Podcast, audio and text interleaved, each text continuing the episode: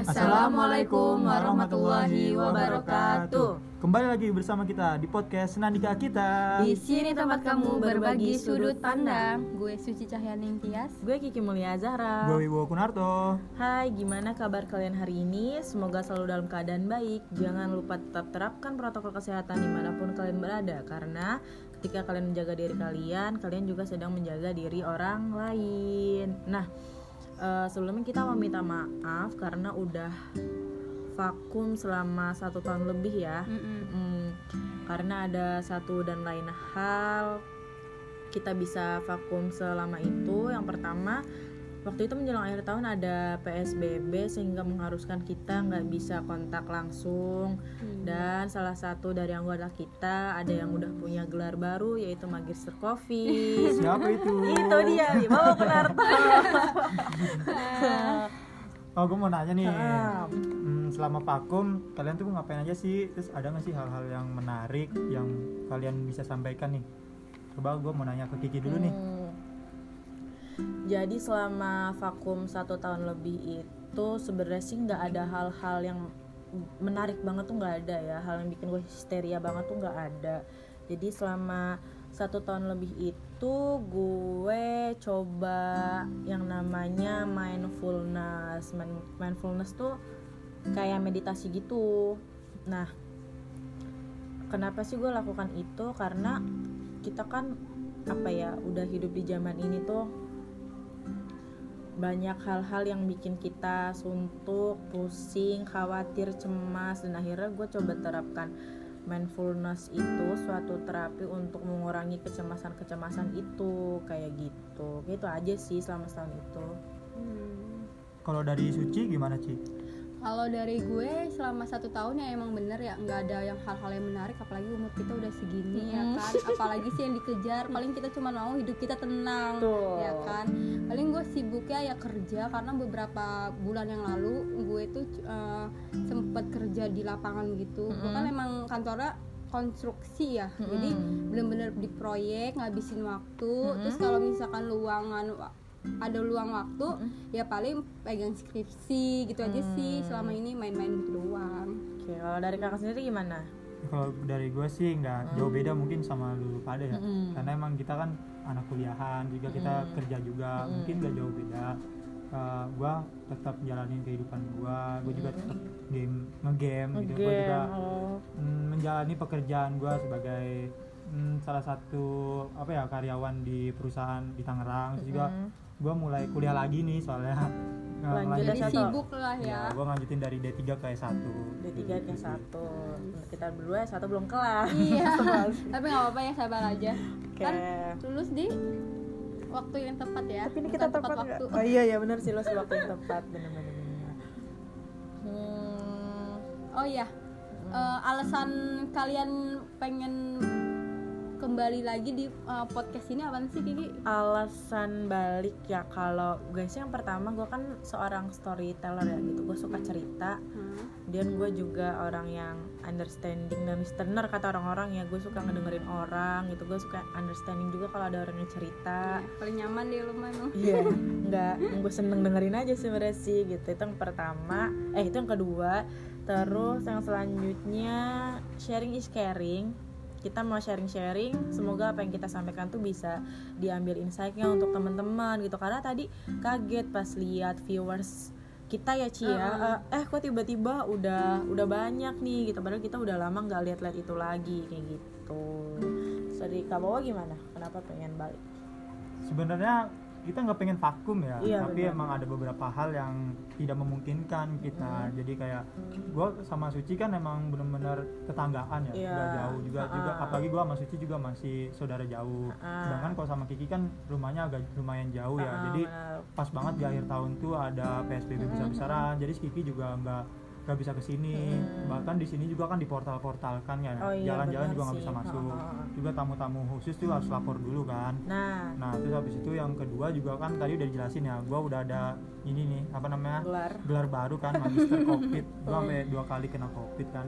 Tapi gue alhamdulillah sih kena covidnya nggak bergejala ya, jadi Hmm. ada teman satu kantor kena, terus habis itu kena tracing dah tuh kan satu satu kantor kan Satu kantor. nah gue pas banget CT gue tuh lagi kurang banget kan Oh, mungkin iya, lagi iya. kurang fit akhirnya gue di di adjustment covid gitu covid ya jadi tapi sekarang sih udah karena udah sehat juga Mhm. keadaan juga udah memungkinkan mungkin kita nggak tahu ya untuk bulan-bulan depan apakah Iya, iya di sih. akhir tahun itu benar ada event lagi, Lagi, buat ya. SBB besar-besaran karena kan Iya. takutnya ada uh, libur akhir tahun Mm-mm. nah itu bisa loncat lagi untuk covid tapi kita nggak tahu ya tapi kita sih berusaha buat tetap hadir tetap siaran Iya, buat menghibur teman-teman kalian eh, teman-teman sekalian gitu. Mau rutin juga Iya. iya. itu dia sih. Ya intinya sih kita pengen jaga keeratan lagi kayak gitu. Nah eh, jadi sebelum kira-kira dua minggu sebelum akhirnya kita memutuskan untuk balik ke sini itu kan gue buka Q&A ya di box question gitu loh di IG yang kayak gitu deh.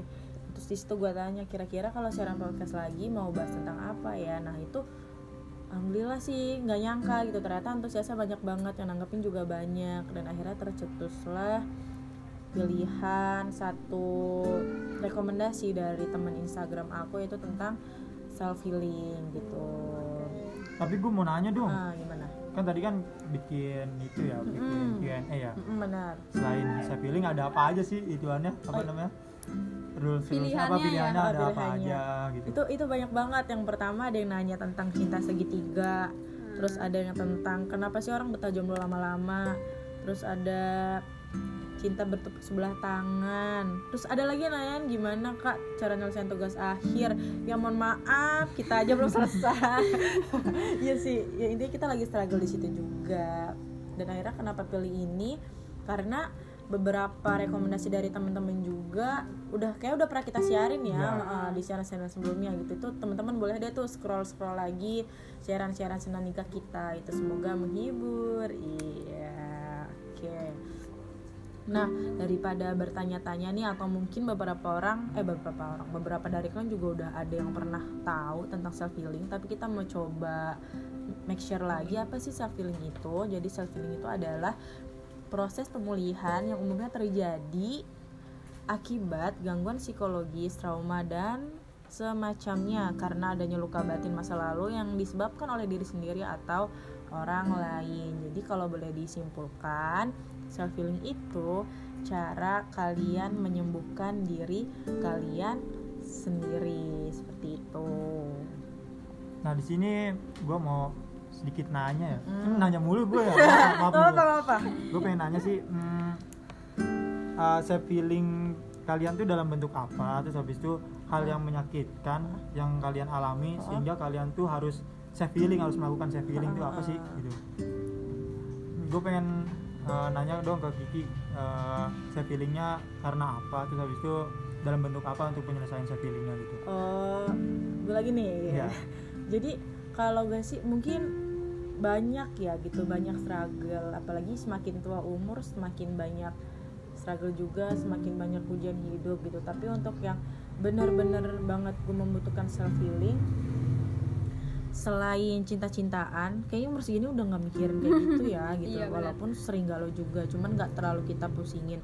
Jadi waktu itu gue nggak tahu ini gue ngerasain eh, sempat kena mental abuse gitu di di suatu instansi atau kerjaan sehingga gue resign. Gue resign di situ sampai bukan dengan cara yang baik ya akhirnya gue gua gua mengakui sih bahwa itu bukan sesuatu yang dibenarkan gue keliru di situ. Kenapa sih akhirnya gue resign? Karena gue bener-bener udah nggak betah banget Ci gitu kan. Karena kan ya mungkin memang nggak ada tempat kerjaan yang baik atau yang buruk. Yang ada hanyalah tempat kerjaan yang tepat atau enggak kayak gitu. Nah akhirnya gue udah coba maksa sekitar pengennya sih berusaha sekitar setengah tahun gitu. Tapi takdir berkata lain dan diri gue pun semakin gak kuat nahan kayak gitu.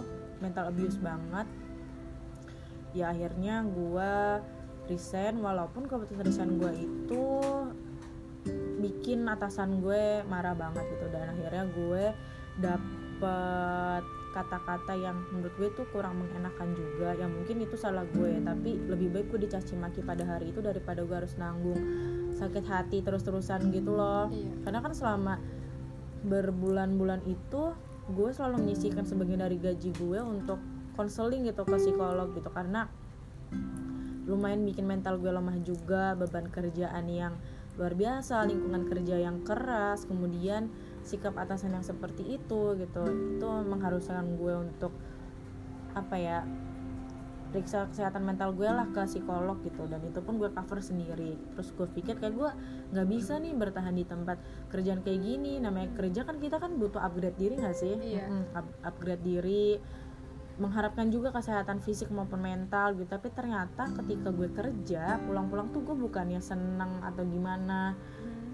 Jadi amarah gue yang tertahan di tempat kerja itu malah gue lampiasin ke rumah. Dan akhirnya toksik juga kan untuk diri gue dan keluarga gue. Gue nggak mau itu berkepanjangan. Akhirnya gue cut gue resign. Nah self healing gue itu gimana sih caranya? Sebenarnya sih gue rencana self healing itu sekitar enam bulan lagi ya. Enam bulan tuh gue bener-bener nggak mau kerja setelah kejadian itu tapi kodarullah akhirnya seminggu iya seminggu setelah resign gue ini dapat kerjaan yang baru. Gue juga kaget sih awalnya ini kerjaan ini gue udah sempat tolak dua kali. Hmm. Mm, akhirnya uh, atasannya kontak gue lagi untuk interview gitu dan akhirnya beliau cocok dan akhirnya gue kerja. Nah self healing yang gue lakukan tuh gue nggak nggak lakukan di dalam rumah gitu. Tapi gue bener-bener melakukannya bersama rekan-rekan kerja gue lingkungan-lingkungan kerja gue.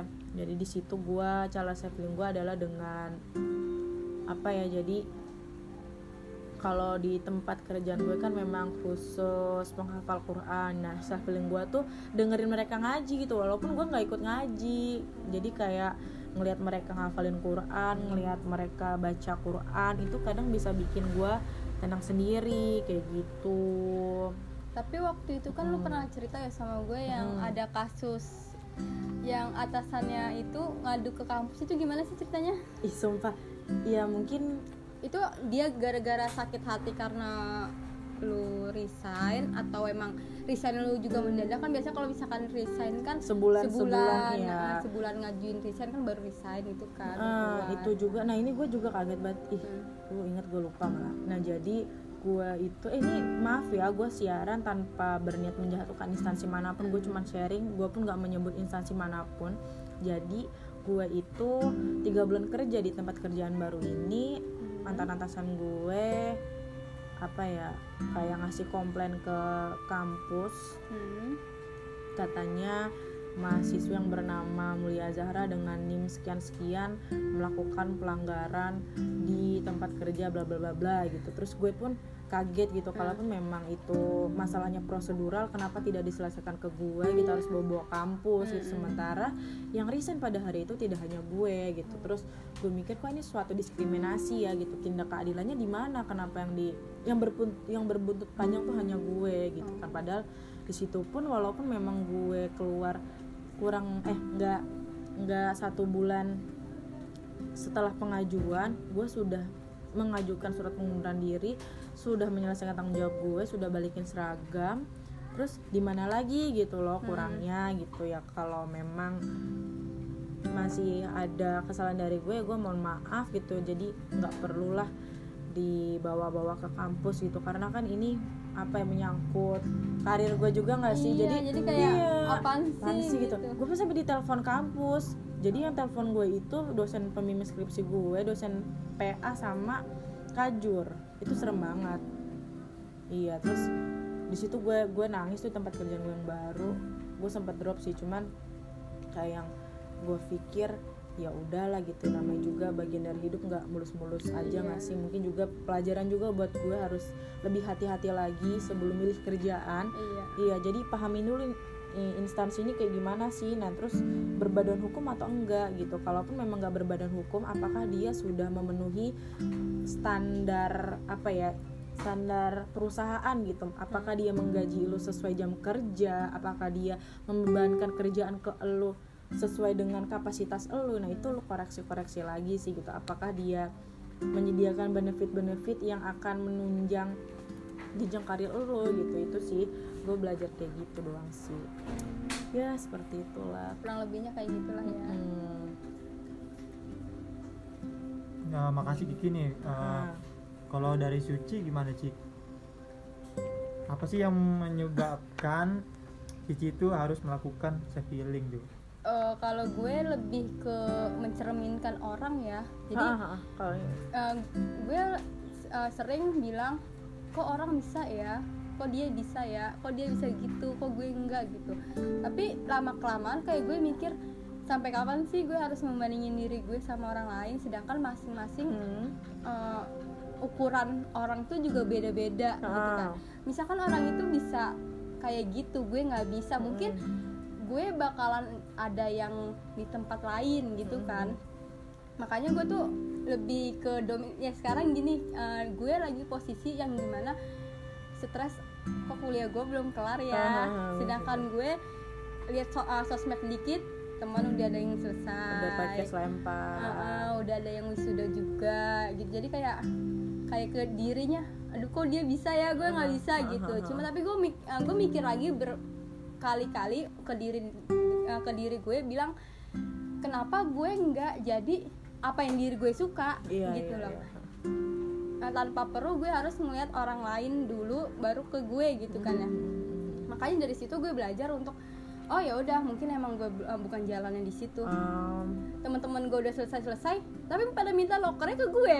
Ah, gue yang belum lulus gimana ya kan? Iya, gue iya. kayak mikir ya udah mungkin emang jalannya kita masing-masing hmm. uh, ukurannya juga masing-masing. Jadi gue nggak terlalu yang gimana-gimana. Kalau sekarang sekarang dulu kayak udah bisa ngontrol lah. Iya, iya, iya. kalau emang gue belum kayak temen-temen gue ya mungkin emang gue belum prosesnya di sana Iya, aja belum gitu. Nah, karena setiap kisah itu ada waktunya gitu sih? Mm-mm. tapi hal kayak lu tuh gue pelajarin tuh di mindful dengan cara menerima seapa adanya diri kita Iya. Iya nggak sih menerima seapa adanya emosi-emosi negatif kita jangan disangkal jangan ditolak kayak gitu sih karena Ya, jadi kayak mikirin terlalu mikirin orang lain tapi kita nggak mikirin ke diri kita Ah, ah, sendiri itu- ya nggak sih ya. Ah. jadi ya udah mulai sekarang gue lagi bener-bener fokus untuk apa yang gue jalanin sekarang nggak nggak dengerin apa kata orang gitu. Mau orang gue bilang ah gimana sih kuliah kayak gitu aja belum lulus. Gimana sih? Emang gue harus ngejelasin ke orang gue loh kayak gini-gini gue harus kayak gini-gini. Emang harus banget ya? Toh kalau misalkan gue jelasin emang orang juga peduli. Kan orang cuma pengen tahu bukan peduli sesungguhnya gitu kan. Jadi gue kalau misalkan banyak yang orang yang uh, ngekomen gimana sih anak saya aja yang udah pengen, pengen selesai gitu-gitu kan ya biasanya ya ibu-ibu gitu ya. Terus habis gue gue mikirnya ya udahlah uh, lu juga nggak tahu proses gue kayak gimana gitu. Proses kita beda-beda gitu. Boleh tentu anak anda lulus duluan tapi kan belum tentu juga. Sukses gitu ah lah iya iya Kayak I see, I gitu. Bela- terus kalau misalkan buat biar nggak self healingnya gue lebih suka main ya sama Oh, temen-temen main, gue. ah. gue suka main sama temen-temen gue walaupun kita nggak main jauh Ah, tapi gue kayak uh, waktunya cepet abis aja gitu sama teman Ah. gitu nggak ada nggak inget waktu kalau udah sama teman pokoknya kalau gue udah main itu paling enak sih itu lu jadi meluangkan waktu sama teman-teman ya intinya ya iya gue tuh lebih suka sama teman-teman gue Oke. entah cuman jadi AGP kan anak gaul gaul pamulang Anjay. nggak apa-apa yang penting gue ketemu teman-teman Iya, gue I see, sih I see. gitu Oke, jadi kalau dari Suci kan tadi meluangkan waktu untuk teman-temannya untuk self healingnya. Kalau gue tadi kan dengerin anak-anak ngaji ngapalin Quran itu jadi self healing lagi sih buat gue. Nggak tahu ya, kayaknya walaupun maaf berarti gue emang jarang banget buka Quran, tapi kalau denger orang ngaji, ya tenang gue aja masih gitu terenyuh ya gitu. Ini mohon maaf ya Allah, hati gue masih lembut dengernya. Nah kalau dari Kabo sendiri nih gimana kira-kira hal Iya. menyakitkan apa sih sehingga membuat anda harus self healing dan cara cara apa atau self healing apa yang anda terapkan agar diri itu sembuh coba ceritakan tawa aduh gimana nih gue jelasinnya ya? Ayo tadi yang suhu, Kiki suhu udah jelasin dari sudut pandang apa ya? Pekerjaan ya Ah, kalau Suci mungkin dari temen dekat terus Ah. kenapa beda sama kita? Ah. mungkin gua nggak jauh beda sama si Suci ya. Tapi gua mungkin beda konteksnya. Ah. mungkin kalau gua lebih ke romance ya. Oh i cinta set boy banget ya. Boy banget. Nggak, 8 episode karena jadi set boy di sini deh emang udah selalu set boy sih. Oh iya Allah tolong kalau gue sih ya itu mungkin kalau yang bagi pendengar yang udah dengerin di episode-episode sebelumnya mungkin sudah tahu lah gimana gue gitu kan nah kalau gue tuh eh, belum lama emang sempet udahan gitu sama salah satu cewek kan. Jangan. Woi, tapi ini ini tuh kayaknya bener-bener udahan mulu kapan jadinya deh ih tapi Nggak ini kan udah lama denger. karena terakhir kita record juga kan Iya sih. udah setahun kan Hmm. tapi kayak sampai sekarang tuh kayak masih masih sempet ada kerasa gitu loh Hmm. kayak dia tuh pernah ngelakuin ini terus habis itu karena kita ngelakuin Oh, hal yang sama Iya. mungkin dulu terus Iya. habis itu keinget lagi Iya, terus trigger ya. nah karena emang kita nggak eh guanya sih yang nggak nggak deket juga sekarang sama cewek jadi ya gue lebih menyendiri aja menyibukkan dengan kegiatan gue cabangnya banyak kali enggak, pusatnya nggak ada cabangnya banyak enggak karena gue uh, fokus dengan pertama buat kerjaan yang kedua buat kan gue ikut kuliah lagi kan Mm-mm. jadi kayak gue lebih memfokuskan diri ke situ karena gue pernah dengar dari salah satu dosen gue kalau dia tuh pernah bilang kamu tuh nggak bakal ngedapetin pertama tuh pekerjaan cinta Mm-mm. dan uh, pendidikan dalam waktu yang bersamaan Ah, gue suka nih. kayak gitu jadi terus. kamu tuh harus mengorbankan Iya sebenarnya sih dia nggak ngasih tiga pilihan dia ngasih dia ngasihnya empat ya Empat, pertama gimana? tuh hobi Hah? kedua tuh uh, soal percintaan ketiga tuh pendidikan keempat tuh pekerjaan kamu tuh nggak bisa mendapatkan empat empatnya ini gitu dalam waktu bersamaan Oh iya. kamu Ih, harus salah sih. satu mengorbankan dari empatnya ini Ih, kalau misalnya sih. kamu memilih percintaan pekerjaan dan pendidikan hobi kamu tuh bakal berkurang kayak misalnya kamu main game pasti waktunya tuh nggak bakal bisa sepenuhnya main game Ah. Nah, terus habis itu kalau misalnya kita milih hobi, terus kita milih percintaan, terus kita milih pendidikan, pekerjaan tuh pasti bakal ganggu banget Nah. karena kita tuh nggak bisa bener-bener ngebagi dari 100% waktu kita tuh ke semuanya gitu. Pasti bakal ada yang dikorbankan. Dan setelah setelah ini, setelah kejadian ini tuh gue dari empat poin ini gue memilih untuk mengorbankan percintaan dulu deh. Cintaan gitu. dulu aja jadinya skip percintaan, Ya, karena kan pendidikan akhirnya gue memilih buat kuliah lagi kan. Ah, iya karena gue dari empat itu gue memilih buat kuliah lagi deh terus terus soalnya kan emang gue udah lulus tuh umur 21 terus habis itu gue udah udah vakum kuliah 2 tahun Hmm. habis itu gue pengen gue mikirnya tuh ah udahlah mungkin berhenti dulu soal percintaan gue lebih milih untuk pendidikan dulu karena pendidikan. pendidikan juga kan gak begitu lama ya gue nerusin dari D3 ke S1 tuh sekitar ya dua tahun atau dua setengah tahun deh gitu Ah. ya ibaratnya nanti setelah gue lulus terus habis itu gue bisa ngerebut lagi hal yang gue korbanin gitu. Cinta. Mungkin gue juga bisa datang dengan passion yang baru kan. Ya, Iya. ya mungkin kayak gitu kan. Jadi kayak pas ditanya misal kita main nih ke, ke Ah. rumah cewek terus ditanya "E, kerja di mana? Terus habis itu kuliahnya gimana? Oh kan gue bisa bisa ngebanggain diri sendiri ya. Ah. walaupun ria itu nggak boleh tapi kan membanggakan hal yang kita udah capai itu kan mungkin boleh lah iya habis bini mah kan ya nah ya terus gitu. terus? Terus gue tuh tadi gue lebih memu- eh, memutuskan untuk kuliah, Kuliah. gue fokus ke pekerjaan mungkin untuk mengorbankan percintaan ya Hmm. nggak apa-apa lah terus terus. kalau tapi mengorbaninnya tuh nggak ngorbanin 100% ya iya iya, jadi masih ada yang membekas kita kayak gimana Iya, membekas Hmm. kayak mungkin coba ditonton lagi episode-episode sebelumnya ketika sebenarnya luka itu nggak bakal pernah sembuh ketika kita datang ke tempat yang sama Betul. kita merasakan momen yang sama Hmm. mungkin luka itu akan Trigger ke- lagi. ke-trigger karena kita dari kecil itu diajarkan untuk menghafal bukan melupakan ya Hmm. Gitu, berat ya bunda kalau misalnya Bun. hmm, hal yang gua lakukan untuk self healing itu mungkin dari orang beda-beda ya karena nggak semuanya orang tuh melakukan hal yang sama Mm-mm. karena juga persoalan uh, hidup orang tuh beda-beda kalau gua sih pertama tuh lebih banyak menggabut. Menggabutnya tuh misalnya gua meluangkan waktu Mm-mm. buat melakukan hal yang bisa membuat gue lupa Iya. a- atas gue itu bisa tertekan di bagian apa nih?